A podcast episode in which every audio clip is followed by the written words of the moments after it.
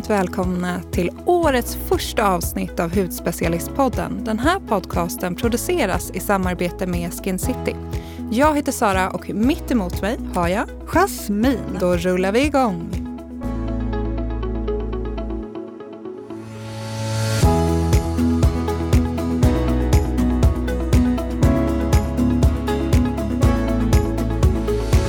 Jasmin, nu är det ett nytt år. Mm. Vad ser du fram emot?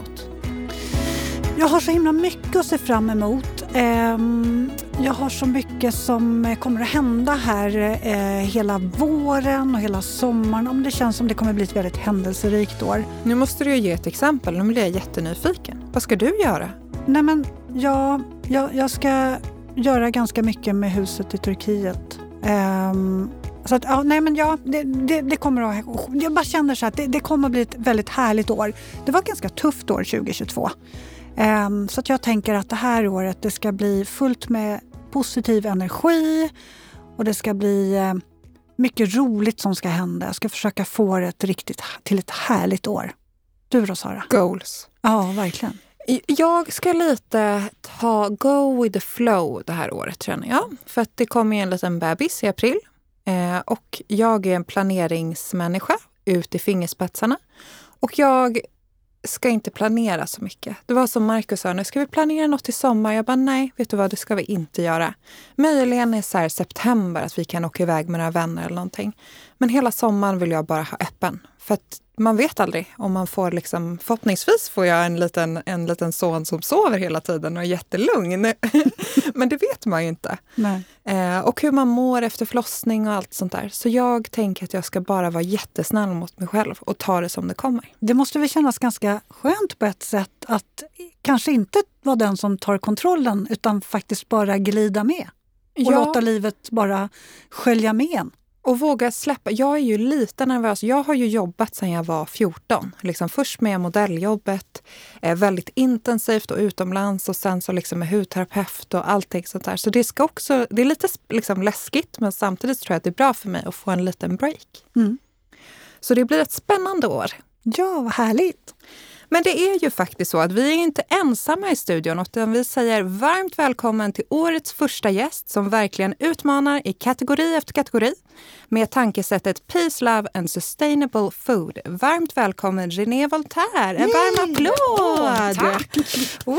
Trevligt! Ja, vi är så glada att du är här. Hur mår du idag? Jag mår bra faktiskt. Ja. Jag mår väldigt bra. Okej, om du skulle få beskriva dig själv med tre ord, vilka ord skulle det vara? Det kan jag göra. Det är, de orden är nog lite olika beroende på vilken dag du frågar mig. Uh-huh. Men oftast är det nog att jag kan... Jag är ganska glad. Jag gillar att ha kul och jag kan vara rätt envis. Mm. Om, jag, om du hade fått beskriva dig igår då? Igår var jag glad. Jag är, är, är Lite envis också faktiskt. och jag gillar kul, så att, nej, men det stämmer nog. Det stämmer. Det, ja. stämmer nog. det måste vara kul. Vad härligt. Är, är det inte kul så gör jag inte det. Nej. Det är jätteenkelt. Mm. Jag blev så nyfiken när jag såg det här på er hemsida, Peace, Love and Sustainable Food. Berätta mer. Liksom, vad, vad är tanken? Ja, men tanken är ju kanske någonting som har funnits med mig väldigt, väldigt länge. Så det där är ju, det har ju stått där ett tag, det du läste på hemsidan. Men Alltså mat handlar ju mycket om att eh, komma till freds med sig själv och också faktiskt lite grann, man blir det man äter och eh, äter man bra och hälsosamt så blir man kanske en trevligare person och då gör man bra saker. Så att det blir liksom ringa på vattnet.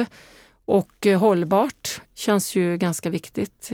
Det kanske inte var lika viktigt då när jag startade men idag, idag är det någonting otroligt mycket större. Och vad är hållbarhet? Jag menar, hållbarhet är att vara hållbarhet. Det är i alla led. Det är ekonomisk hållbarhet, det är hur man jobbar, det är hur man äter. Det, det, det är ju ett jättestort begrepp. Ja, och love är liksom för mig kärleken till maten. Att det är viktigt att hur det lagas att jobba med rätt råvaror, att jobba med rätt typ av leverantörer. Att, eh, att det också finns någonting i det som vi tillagar. Så att det inte bara är tom mat som är lagad av en maskin. Och eh, ja, hur, Mat är väldigt viktigt. Hur kom du in på liksom raw food och det här med clean eating, veganskt? Och... Det var ju jättelänge sedan. Så att det började jag kanske med 90-tal, tidigt 90-tal. Du var före den här trenden. Jag var, liksom. jag var långt före. jättelångt före alla trender och folk förstod ingenting. Jag kommer fortfarande ihåg när jag gjorde någon jag gjorde någon jättemärklig catering en gång och det var liksom 100% veganskt och det var alger och det var och folk liksom bara åh, de skakade på huvudet, förstod ingenting. Och jag höll på med vetegräs. Och, Hur fick du idén? ja, men jag hittade någon gammal bok faktiskt, någon bok som från 60-talet. Det här är egentligen ingenting som är nytt. Det här är ju liksom gammalt. Man syrade och fermenterade, gjorde liksom daddelbollar. Det är ju inga nya grejer. Ingenting är nytt. Och det var surdegar och man fermenterade drycker. Man gjorde liksom rejuvelax. Jag hittade en gammal bok och som jag tyckte var jättespännande. Och så började jag, och det, det kändes också ganska enkelt. Man gjorde nötsåser och hade liksom bakteriekultur i. oss. på den vägen är det. Det var en jättegammal bok av typ Anne Wigmore som var då råfood-drottningen. Så spännande. Mm. Ja, verkligen. Jag skulle säga att jag är en allätare. Alltså jag gillar både nyttig mat Ja. och eh, snabbmat, mindre, mindre nyttig mat. Jag kan slänga i mig både det ena och det andra. Äter du helt enligt din filosofi eller Ska jag ljuga eller ska jag vara helt ärlig? är helt ärlig du Ja, nej, men, ja, men det är klart att jag är, jag är människa så att jag älskar ju också liksom, godis och liksom, popcorn och allt sånt som är liksom, smarrigt. Och, så att nej, man är ju, jag är normal men eh, Sen äter jag inte kött och så här, jag har ju valt att äta på ett speciellt sätt men jag tycker också pommes frites kan vara jättegott. Men det betyder inte att jag går på den typen av restauranger. Jag försöker, jag lever ju mycket som jag lär.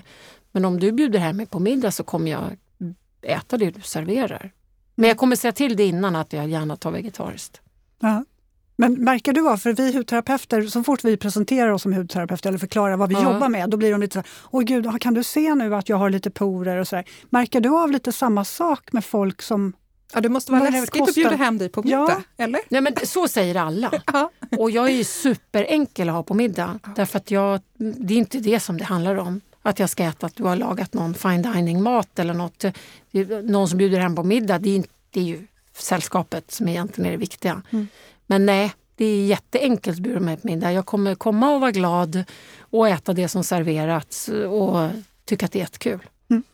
Men eh, folk påpekar ju ofta grejer med huden. Alltså, Åh, det syns att du äter bra och, och du har så slät hy. Och så här. Det gör ju folk. Mm. Sen om det beror helt på maten, det kan man ju undra. Men delvis så, så spelar ju självklart vad du stoppar i dig är ju lika viktigt. För jag menar som man smörjer in sig. mm, Mm, det här ska vi gå djupare in på snart. Jag är Yes. så Ja, det är bra. nyfiken.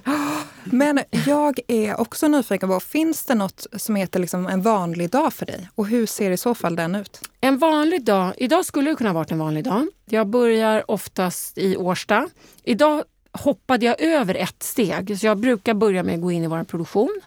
Och där säger jag alltid hej till alla. Jag tycker det är extremt roligt att vara i produktionen och, och, och liksom prata med alla som faktiskt lagar mat och som hackar grönsaker och som förpackar och blandar. är det och, som ett storkök då? Ja, ungefär. Ja. Mycket är ju handgjort, och, men vi rostar ändå granoler. Och, och, men det är ju, jag älskar att vara där, för att där händer det på riktigt.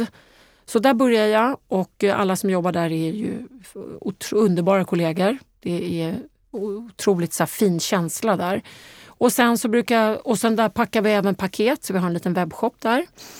Och som har varit ganska, haft, vi har ganska, ganska mycket att göra nu så att jag tycker det är fascinerande att se hur snabba de är på att få upp de där paketen. Så pratar jag om, så står vi där och pratar och sen så går jag upp på kontoret då, som ligger ja, men, några meter bort bara. Och så där börjar min dag. Och sen så ibland är jag på möten och ibland håll, spelar in en podd till exempel som idag. Och, och, och, alltså mina dagar ser väldigt olika ut men de börjar nästan alltid likadant. Och sen har jag ju butik på Riddargatan, Pepstop och det, ibland har jag ett möte där. Eller avslutar min dag där. Jag är ofta där på helgen också. Eh, Men mina dagar pågår ganska länge. Ja, Så det att blir in- sena kvällar. det blir ofta sena kvällar. Och eh, faktiskt också så börjar jag jobba när jag liksom vaknar på morgonen. Mm. Jag går in i liksom Instagram och kollar, liksom, har det hänt något? Jag läser alla våra mejlkonton. Och eh, Jag blir lite Ja. så här nyfiken. Drömmer du om här, Gud, det där måste vi ju testa. Och det här Nej, det gör jag inte. Nej. Nej, Då då, stänger du ändå av. nej det gör jag liksom. inte. Ja. Jag, men då processar man ju grejer. Mm. Så det gör man ju. Jag tycker drömmar är fantastiskt. Och framförallt om man har gjort någon sån här... Jag gör ju så här juice-cleanser och sånt ibland och då drömmer man ju som tusan och det är superintressant. Ja, Okej, det här är så intressant. och jag älskar det. Ja. Och gå och lägga sig som så här, wow, vad ska hända nu? Ja, jag har också gjort. Hur många dagar gör du när du gör en juice cleanse? Ofta så gör jag tre. Ja. För jag blir lite uttråkad på fem. Jag blir lite hungrig på fem, Ja. känner jag. Liksom tre, det där är brytningspunkten Ja. för mig. Tre är ganska enkelt att göra. Ja, eller sen- jag, jag tycker ja. att det är dramatiskt. Ja, nej men och så dricker man tillräckligt mycket. Det Ja, gäller ju att dricka, precis. dricka, dricka, dricka så då har man inga hungerkänslor. Men jag blir mer sådär att jag kan sakna tuggandet. Ja, det håller jag Att med jag, vill liksom, jag försöker att och liksom drick, äta det där med sked nästan för att få känslan av att jag äter. Men wow, vad man känner sig lätt i både kropp och liksom sinnet skönt. och huden ska vi inte ens Ja. prata om. Nej, och blicken i Alltså, om, man, ögonen. om man och, har väldigt lätt att ha så här blodsockerfall och är väldigt där känslig för om man inte har ätit. Jag är ju extremt, mitt humör är ju inte roligt när jag inte har fått i mig mat. Nej, du ska ju inte boka in jättemycket saker under de här tre dagarna. Nej, jag, Jag tänker att jag kommer bli ett monster. fast eller man blir inte det Nej. om man, inte, om, man, ho- om man dricker.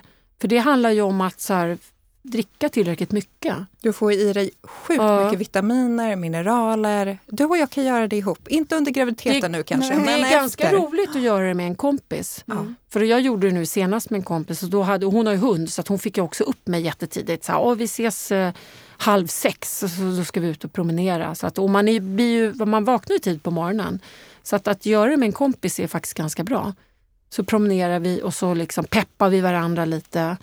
Och sen så, så ska man ju självklart inte gå på partaj på kvällen eller liksom stå hemma i köket och Inga laga middagsbjudningar inom Nej. sikte. Nej. Nej, man ska, sånt ska man ju hålla sig borta från. Mm. Och så här, andas ordentligt och, och promenera. Man behöver inte heller hårt träna tycker jag. Man kan så här varva ner lite. Mm. Men det går ju jättebra att jobba.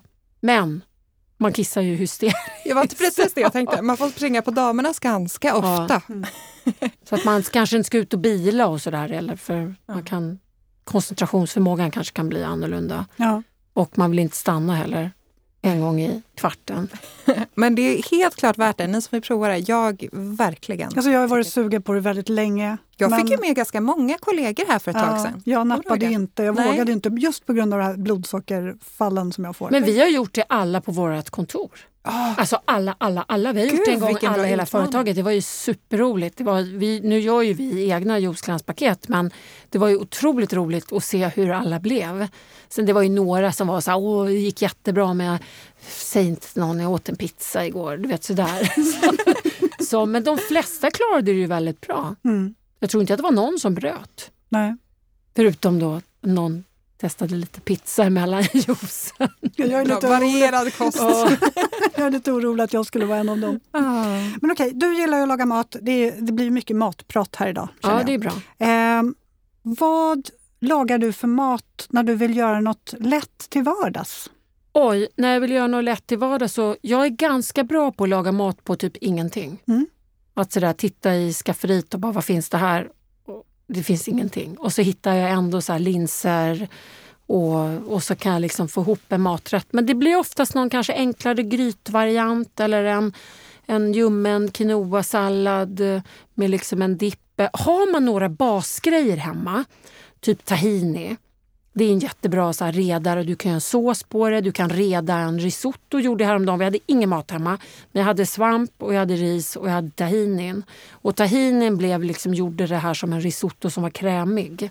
Jaha, Så jag är Gud vad- faktiskt jättebra på att laga mat på att inga råvaror. på en spik. Ja. Mm. Och sen måste man ju ha, liksom, ja, men jag har alltid nötsmör hemma. Jag har mina, jag har mina liksom, basvaror.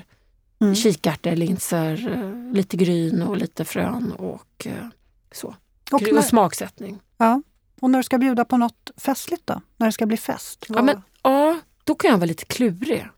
Aha. För ibland kan jag liksom komplicera saker och ting för mycket.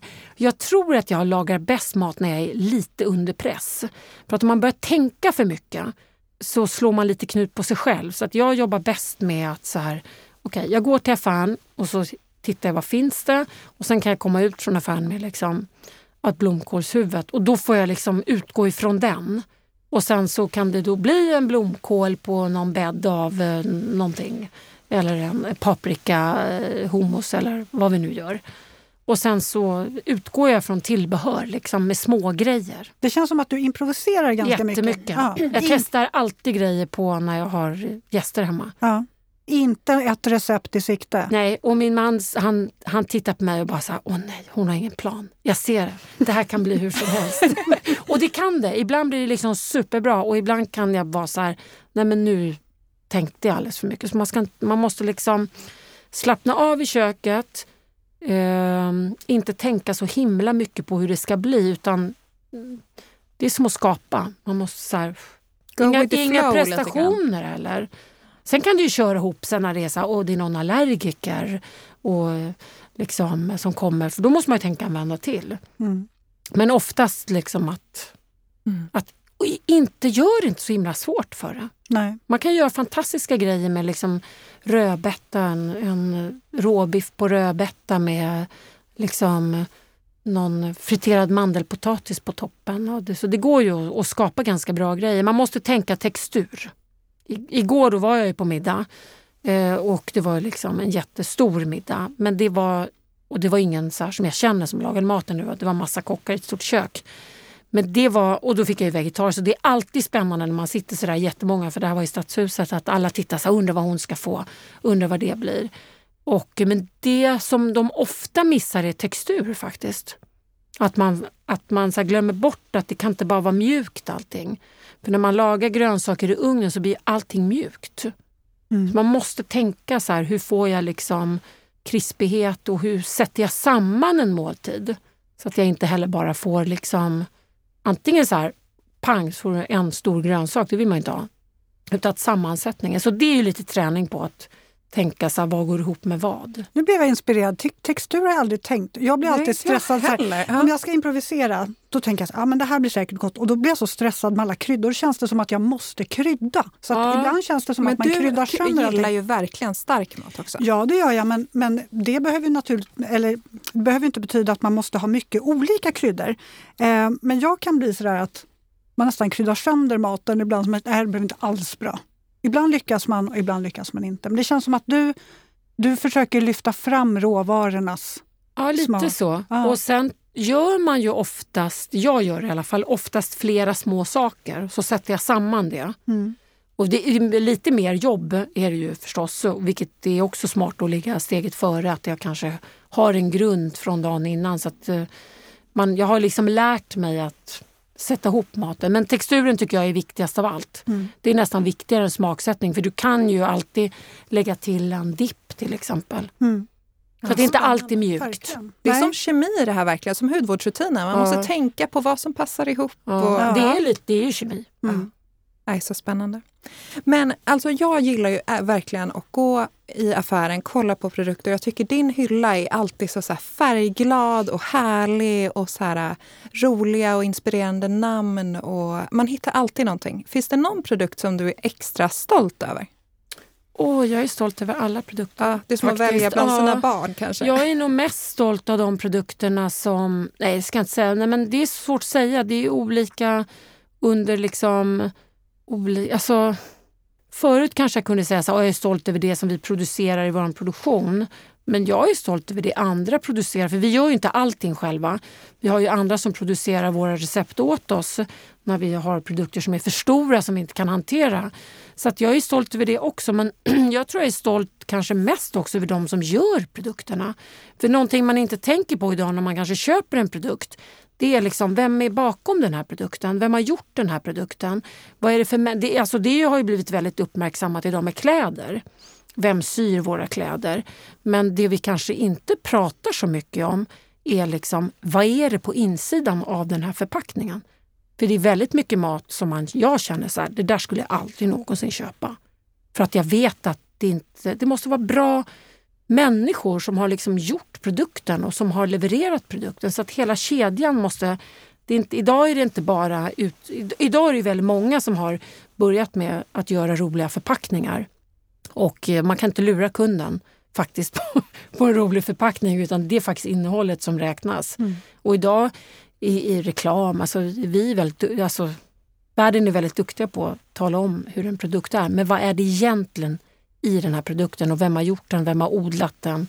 Alltså, nu svarade jag inte ens på din fråga. Jo, men absolut. Var det svar? Ja, jättebra. Men jag blev då Ja. nyfiken, vilken var den första produkt du tog fram? Eh, den första produkten jag tog fram, det var typ fem produkter. På, det var dels quinoa. Det har jag inte ens i sortimentet idag. Det fanns ju inte på marknaden då när jag började sälja det. Och sen har jag en lantbuljong. Den har jag fortfarande. Åh, den är den bästa. Ja, och lantbuljongen och sen så tamari. Mm. Nu finns det ju massa olika tamari på marknaden men jag tycker fortfarande att våran tamari är bäst för att den görs på hela sojabönor, inte eh, liksom krossade eller avfettade sojabönor. Så den görs faktiskt som en äkta japansk tamari ska göras. Och sen så vad hade jag mer? Bovete hade jag tror jag. Jag är väldigt förtjust i bovete. Och eh, våra råfoodkex. Alltså, alltså, det, och nå, alltså, många av de produkterna finns ju kvar. Mm. Har du något nytt spännande på gång som du kan hinta om? massa grejer. Alltså vi jobbar ju också mycket med säsongsprodukter som jag tycker är ganska roligt. Att vi kan komma med en produkt så vi kan göra liksom nästan lite mer delikatess. Att vi kan göra en granola till exempel själva som vi bara släpper under en period i liten skala. Men det kommer lite roliga, lite roliga chokladsaker som är ganska goda. Mhm. Som är liksom bara sötade med kokossocker. Och man får inte samma, även om kokossocker fortfarande är liksom så sött och eh, socker, så får du inte alls samma påslag. Man, normalt, men det vet ju ni när man äter en godispåse, liksom, att man blir helt crazy. Alltså det går inte att sluta, men man får inte samma trigger av den typen av sötning. Nej, det märker jag för jag har faktiskt börjat ha kokossocker i mitt te. Ja, Och jag märker faktiskt att det inte alls samma. Jag känner inte att jag behöver ha lika mycket. Jag behöver inte ha lika sött och jag känner inte att jag måste ha mer sött efter. Nej, man är liksom nöjd på ett Mm. annat sätt. Och, och sen, varför är det så? Jag har ingen aning. Det finns säkert fibrer också i vissa saker. Alltså det finns ju också beroende på vilken typ av produkt man äter. Mm. Men eh, det är klart att det är skillnad. Jag har ju någonstans läst att du har en förkärlek för alger. Kan du utveckla det lite grann? Alger är ju, är ju, det har jag alltid hållit på med. Alltså det var ju typ en sån första produkten som jag började med tidigt 90-tal. Och liksom, ingen gillar ju alger, ska jag säga. Alla jag träffar som håller på med livsmedel säger att oh, vi måste börja sälja alger, men det är rätt svårsålt. Men det gör ju inget att jag liksom fortsätter att kämpa med de där algerna. Men varför har jag det? Nej, men det, är, det, är en, det är ju en fantastisk produkt som finns i våra hav och som är ganska rolig och som också innehåller mycket umami. Som du kan liksom... Du kan ju ta... Ja, japanerna de använder ju en bit kombu, alg, som när de kokar sitt ris och de använder det liksom, de gör fantastiska såser för att, och som släpper ut umami. Så att, eh, jag tror att det är umami-grejen. Mm. Sen är, um, sen är alg fortfarande svårt. Folk tycker att det är slemmigt och, och liksom konstigt och så. Så att, um, det har varit en ganska, det är en ganska svår grej att förändra. Sen kanske alger måste komma in på ett annat sätt i maten än att så här, pang, här får du en, en stor hög med alger. Det här kanske är en ganska konstig fråga, men kan Ja. man liksom torka det och ha det som något typ krydda? Ja, men Eller? vi har ju alger. Vi har ju en fröblandning som heter furukake Ja. som är svarta vita sesamfrön och torkade alger. Mm. Så det kan man absolut göra. Man kan göra jättemycket bra grejer med alger. Jag tror att alger är kanske bättre som en ingrediens i lagom mängd än att så här, göra en stor algburgare. Liksom. Mm. Nej. Man får smyga in den lite Ja, försiktigt men, där. det- ja, precis. Man kanske ska kalla det något annat. Om inte. Men Jasmine, berätta. Har du, du sa att du gillade buljongen. Vad är din favorit? Ja, men det är lantbuljongen bland annat. Den har jag, jag, vi gör mycket soppa hemma, jag är uppvuxen med soppa. Eh, och pappa gjorde mycket soppa åt mig när jag var liten, så soppa i alla former. Men linssoppa framför allt. Ja. Tycker att den är fantastisk. Och sen så också eh, kokosbite gojibär. Tycker jag jättemycket om. Mhm. Inte den med eh, Alltså jag, kakonips. jo, Ko- men den är ju väldigt god inte. tycker jag. Ja, jag, den kanske jag inte har testat. Ja. Jag har testat gojibär, jag tycker den är... Mint, mint Ja. kakonips, det är också en kokosbite. Den är också väldigt god. ja, då får jag prova Ja. den. Mm. Gojibären är den som jag har fastnat mm. för hittills. Mm, ja, jag fick ju smaka den med citron från dig. Kokos och citron. Ja, det är lite gurka med den. Ja, den är så god. Ja, den, den är jag... lite mer hardcore, men, väl, men det tror jag är bara för namnet. För jag har jättegod. alltid den i väskan. Ja. Nu sen under graviditet, hungern slår till ja. hela tiden. Då har jag den. den är De är väldigt perfekt. bra att ha med sig om Lagom man är ute. Size. Ja, precis. Bara för att få i sig lite energi. Ja, och så är det lite choklad på. Det och lite gott ändå. Ja, det är väldigt gott. gott liksom. alltså, det måste ju vara gott. Det, annars ja. är det svårt. Jag har gjort jättemånga grejer som inte är gott. Alltså så här, som du har, har, tagit bort sen? Eller som... Ja, men när jag startade så var jag ju väldigt mycket kanske hardcore på vissa grejer. Det skulle vara att jag sa, Det skulle vara liksom supernyttigt och det kan ju också lätt bli lite dammigt. Och så här, är det inte gott så funkar det inte. För att är det inte gott kommer det inte vara hållbart. Nej. För folk vill ju ändå äta gott. Mm. Och man vill ju inte bara dricka juice. Nej. Man vill ju unna sig något gott ibland. Och man, så här, man måste ha både och, men det måste vara lite gott. Även en Just grön den här juice citron, måste vara god. Den är så god alltså. Mm. Mm. Och även eh, mandelsmöret, eller nötsmöret. Ja, det är faktiskt väldigt bra. Den är mm. verkligen perfekt. Den har inte heller ja, Den på bovetekex är ja. väldigt gott. Mm. Jag tar den med banan eller i min eh, så här, mm. gröt på morgonen. Mm. Tahini och banan det är världens bästa mellanmål. En, en, vi har en jättegod tahini som görs av ett familjeföretag i Grekland. Det är på banan. Det är liksom sjukt gott faktiskt. Vilken bra tips! Ja, mm. Jättebra tips. Det ska vara vit tahini för den är inte lika bitter i smaken. Eh, vilka är dina topp tre favoritråvaror som du tycker alltid ska finnas i ditt skafferi?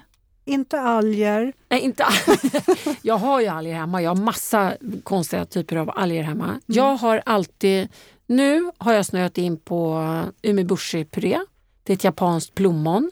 Aldrig hört talas om. vad kan man göra med den då? Ja, det är ju en, så här, den är otroligt eh, salt och syrlig. Men var får man tag på alla Då de måste här? man åka till Japan. Och, det är, och jag har varit där så det är ett supercoolt... Eh, liksom, det är ett litet plommon. Så, om du äter japansk mat så får du ibland det på riset.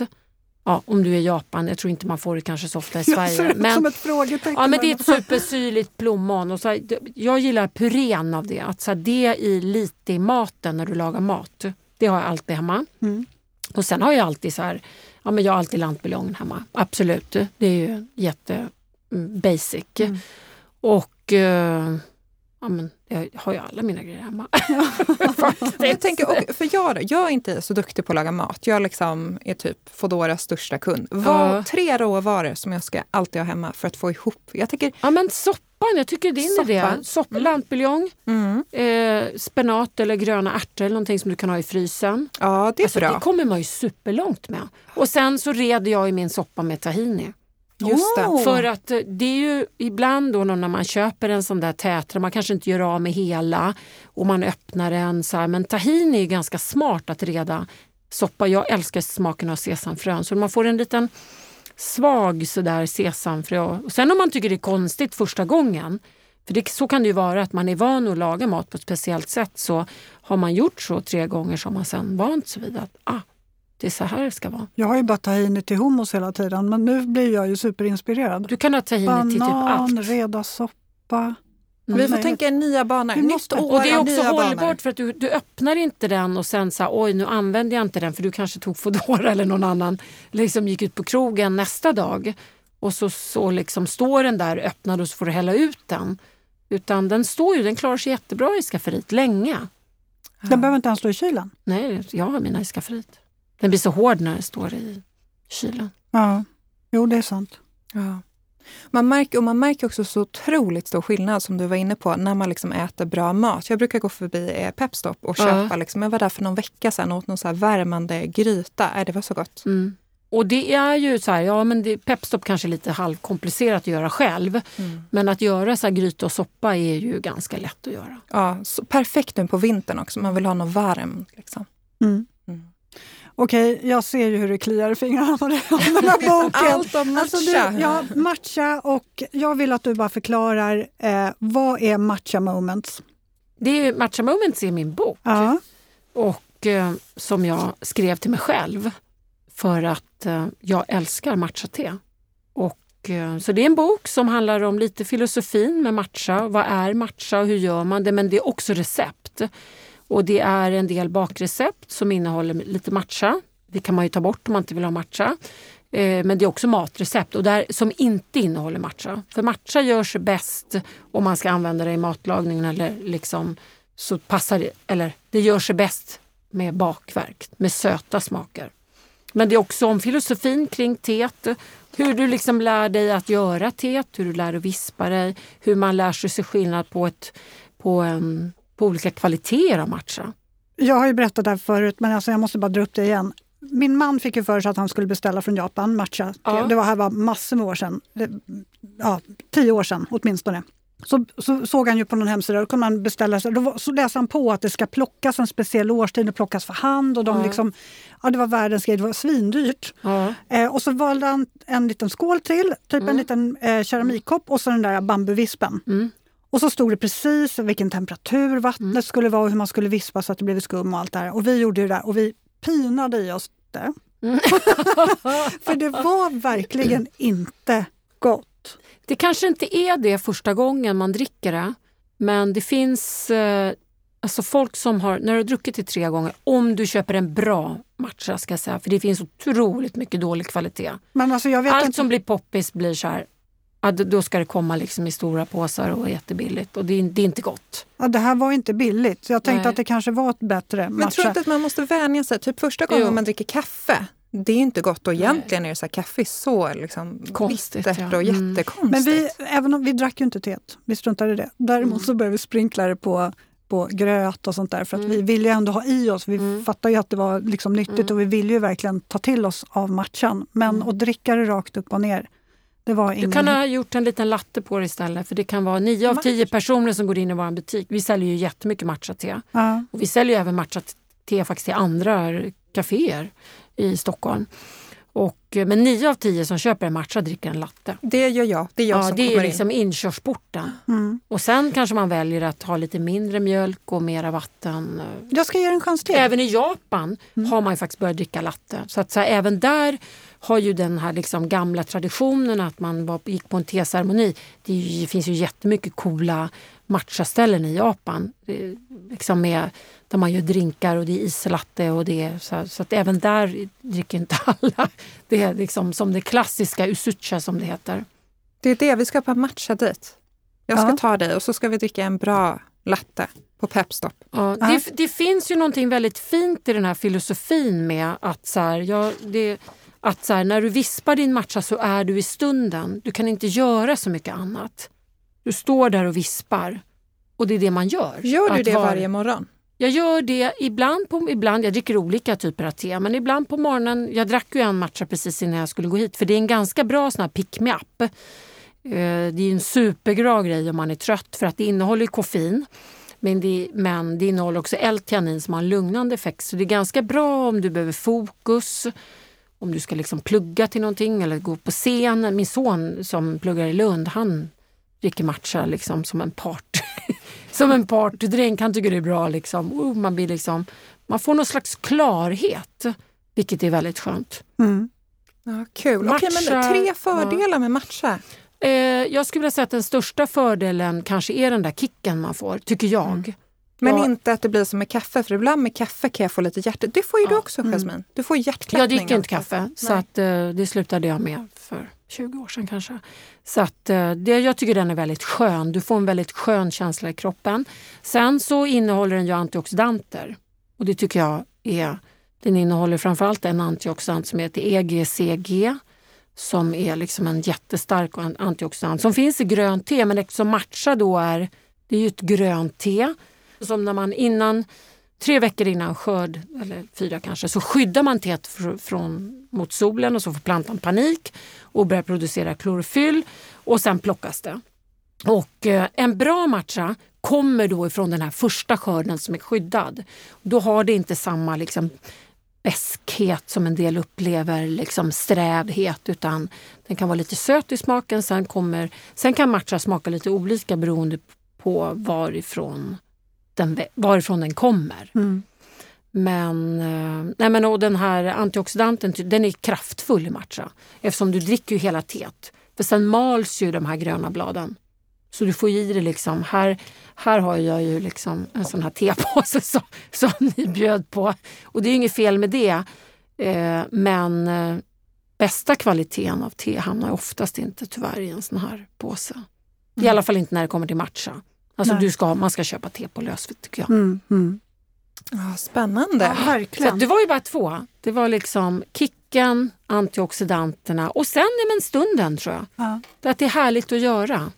Men har du matcha i mat också då eller är Nej. det främst för att dricka? För, främst för att dricka. Men sen är det kul ibland att ba, göra bakverk och sådär. Mest för att det är kul med den gröna färgen kanske.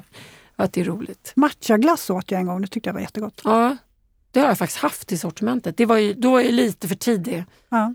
Alla var bara... De fattar ingenting. Nej, och det, jag har en tendens till ibland att så här, snurra in med grejer så här tio år för tidigt innan du vet. Innan vi har fattat. Innan- exakt, för att jag tycker att det är kul. Ah.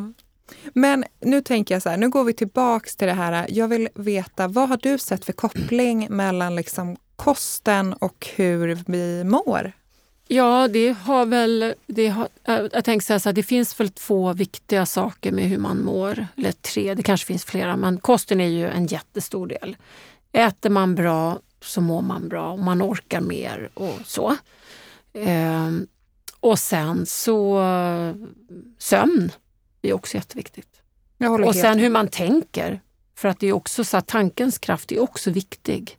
Tänker man att allt är skit så blir det ju skit. Men att, sådär, att jobba med att tänka positivt fast det ibland är tufft. Att försöka så här, se över det där. Mm. Men maten är ju superviktig. Verkligen. Håller helt med. Också, du har ju otroligt fin hy verkligen, som vi nämnde tidigare. Tycker du också att du ser skillnad liksom, beroende på vad du äter med hur hu- hun, eller huden blir? Ja, jag tycker att jag ser jag, morgonpromenader. Nu bor jag ju liksom ute så att jag kan gå längs vattnet och sådär i naturen. Morgonpromenader är ju fantastiskt för huden. För att man känner ju att det är sån skillnad att få den här syret. Så det tycker jag man, och gör att man ser skillnad på. Och sen även självklart maten, men också den där juiceglänsen som vi pratade om. Den är ju fenomenal för huden. Jag vet att en del säger dock att de kan få pluppar och blämmor och så här, men det är inte lika vanligt. De flesta känner ju att de blir väldigt så här fina i hyn. Eh, sen ska man ju alkohol och sånt, det känner man ju direkt att det är så dåligt för huden. Att så här, alkohol är, det är ju disaster för huden. Sen brukar jag själv sådär inte alltid sminka mig. Utan låta huden vila. Ja, liksom. för det känner jag inte är alltid så bra för mig. Mm. Och att jag då, så här, lite beroende på om jag har dagar när jag så här, inte när jag ska åka fram och tillbaks till Årsta eller liksom kanske inte gå på någon middag, då målar jag inte mig. Så då låter jag huden vila från det. För det känner jag gör skillnad för mig. Mm. Alltså jag förstår ju att du har rätt mycket egen företagare, du har rätt många bollar i luften och det kan väl bli ganska hektiskt ibland. V- vad gör du för att liksom varva ner och hämta energi? Jag gör inte det. Nej, jo, jag skojar. Nej, men hur gör jag det? Jo, men jag tror att jag... Det, alltså jag tror att jag har lärt mig att leva med mitt jobb. Men jag sa ju det innan att så här, jag går igång på saker som är kul. Jag försöker undvika att göra sånt som inte är kul. Det är jätteenkelt. Det försöker jag låta någon annan göra. Mm. Att så här, så här, se till att det är kul varje dag. Och eh, sen, ja rätt eller fel, men alltså självklart så de här morgonpromenaderna. Jag tror ju mera på liksom att det här är dagen, att försöka så här, ta den där morgonpromenaden. För jobbet följer ju med en. Alltså oavsett om det är lördag eller söndag så jobbar jag ju. För det blir så och det gör ju många människor idag. Man är på sociala medier eller man kollar grejer, man får mejl hela tiden. Så att jag, alltså att inte kanske där att så här, ta ledigt och liksom, men utan mera så här, anpassa sig på ett bra sätt. Till, och det låter jättekonstigt nu. Försöka hitta en balans? Hitta en balans i så här, gör bra grejer. Säg nej till saker också. Man behöver inte göra allting. Man behöver inte gå på den där middagsbjudningen eller eh, träffa den där. Jag säger nej till jättemycket grejer som jag inte känner så här, nej men det där är för jobbigt. Och det blir inte kanske heller riktigt kul. Så här, att så här, och det, har jag, det lär man ju sig kanske med åren. Ibland måste man ställa upp för varandra, absolut, självklart. Man måste vara bjussig. Framförallt tycker jag så här, när det är andra kvinnor, att försöka så här, hjälpa varandra. Men, men att också säga nej till saker och ting som inte känns bra. För det, jag tror när man börjar må dåligt, det är när man inser att så här, varför gjorde jag det här?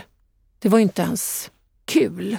Då kommer man in i en fälla. Att försöka så här, jobba med glädje och Visst, man måste ju betala räkningar och sånt, men det kan ju faktiskt någon annan göra. och problem, det har man ju hela dagarna. Alltså problem, jag har ju lärt mig också att hantera problemen och de kommer ju. De kommer hela tiden. Det bara, du vet, de bara kommer farande på en. Är det inte det ena så är det det andra. Så problem, att lära sig, att lära sig hantera problem och veta att så här, du måste också hantera dem. För det kommer bli bättre när du har hanterat problemet. Och när man har lärt sig det där så blir det inte så jobbigt.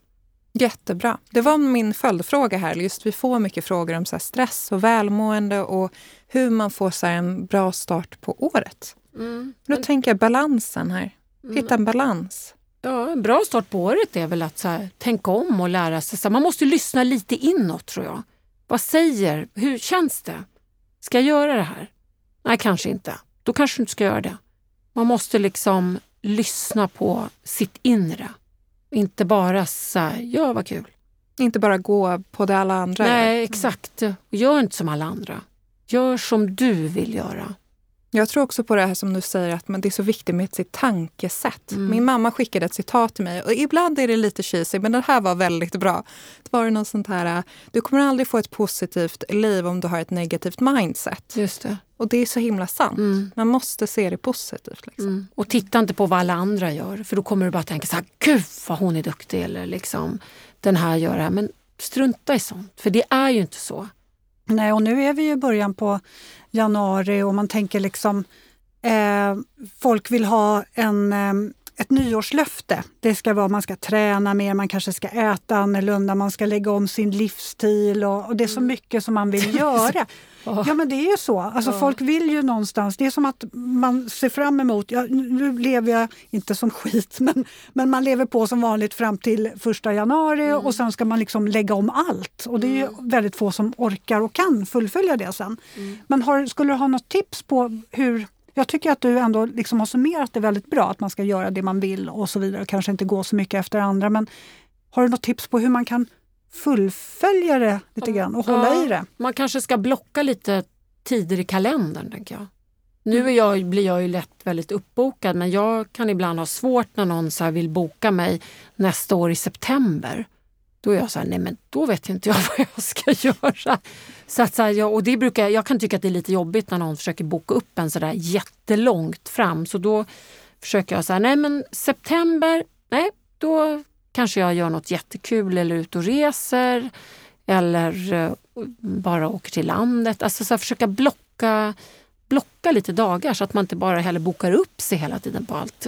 Mm. Och så här, det man skriver ner också händer ju oftast.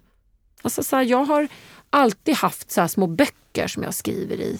Nu är hela min dator en enda stor anteckningsbok. Liksom. Jag, jag skriver, skriver ner sina tankar och liksom jobbar med den där boken. Det låter ju som en sån här gammal, gammaldags grej. Men att skriva dagbok, att mm. skriva vad man har gjort, det är inte så dumt. Men min mamma gör faktiskt det. Hon skriver varje dag vem hon har pratat med och hur vädret ja. var och vad hon har gjort. Och allt skriver hon ner. Varje dag. Ja, men det, jag tror på det. Mm. Börja skriva dagbok igen. Ja. Och, och sen det där med hur, vilka man umgås med. Så här, häng med sköna typer. För det finns ju så mycket kul människor där ute. Mm. Så att, dra, dras inte med av det där som du inte egentligen tycker är kul. Nej.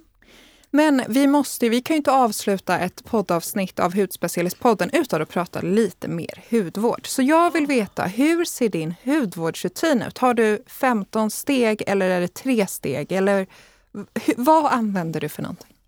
Oj, alltså den är jättespretig. Jag vi vill höra allt. Ja, nej men, ja, den är jättespretig faktiskt. Och jag ska säga att jag är verkligen, jag skulle kunna bli mycket bättre. Men eh, jag måste alltid ha, alltså titta på vad jag har hemma. Ja. Så har jag självklart någon, eh, när, när jag sminkar mig så måste jag kunna ta bort smink. Så det har jag. Så jag har en rengöringskräm och sen måste jag ha fuktkräm. Och jag älskar också sån där mist. Mm.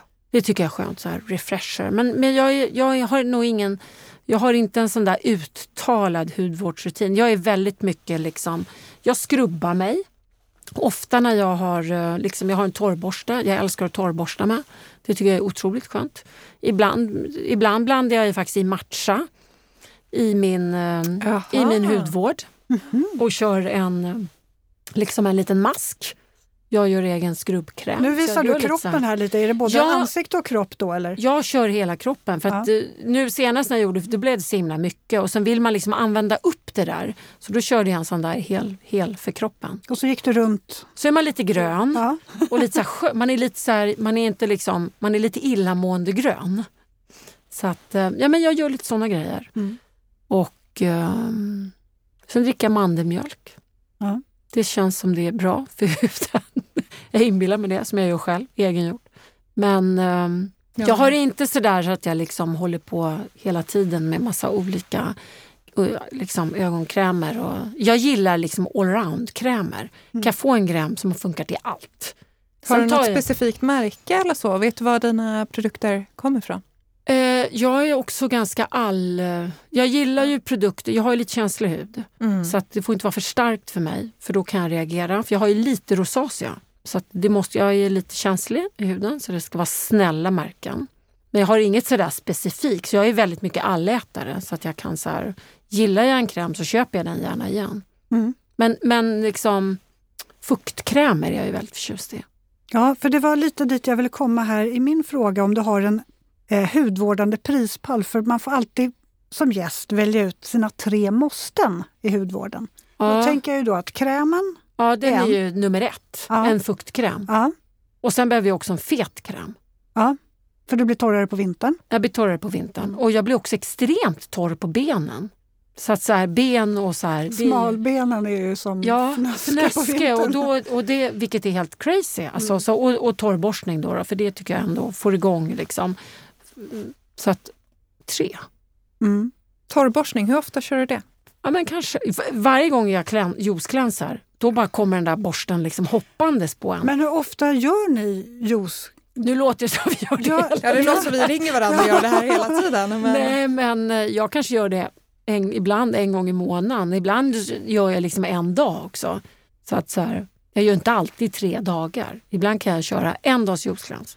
Är det samma, nu kommer vi tillbaka till de här Ja. frågorna, men är det samma smak då i tre dagar som ni trycker i er? Eller Ja, men jag har det ju lite förspänt så att jag får ju mina gjorda. Ja. Men man kan ju göra själv och då kan man ju göra liksom Jag gjorde det, men och- det var tufft. Alltså jag behövde ju gå och handla 20 kilo grönsaker. Ja, Man förstår inte grönsaker. hur mycket grönsaker det går till en juiceglans. Så att jag rekommenderar om man inte... Och så ska man rengöra den här juicepressen också. Ja, Ja, man får gå till Pepstop.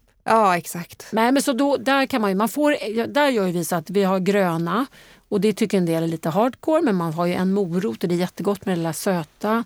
Så att man får liksom en blandning av juicer. Alltså jag tänker så här, jag ska göra det här och så får vi ha ett poddavsnitt bara om min juicning. Om hur vi mådde.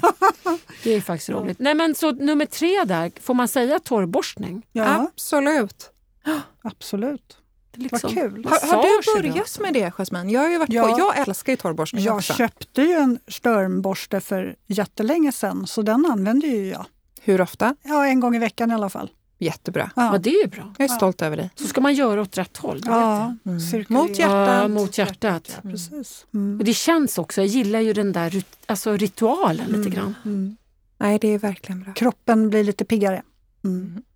Mm. Mm. Vad härligt! Ja, men jag skulle kunna, eller vi skulle kunna sitta här och prata med dig hur länge som, helst känns det som. Ja. Men eh, nu börjar det dra sig mot sitt slut. Åh, Åh, Tack att du kom hit. Tack snälla, vi kan ju fortsätta efteråt. Ja. Ja, det Det var vi jättekul att ha dig här. Tack så mycket. Tack för att jag fick komma. Ja, jättekul. Eh, alla ni som lyssnar, ni är varmt välkomna som alltid att mejla oss till podd.hudspecialisten.se med alla tänkbara frågor eller funderingar. Eller om ni har förslag på andra eh, olika inslag ni skulle vilja att vi tar upp här i podden. Ni kan också hitta oss på hudspecialisten.se där vi har vår blogg och med på Instagram med samma namn. Så får vi alla tre här önska er en trevlig helg. Ja, nu ska vi på matcha-dejt. Yes. tack igen. Hej Tack, då. tack.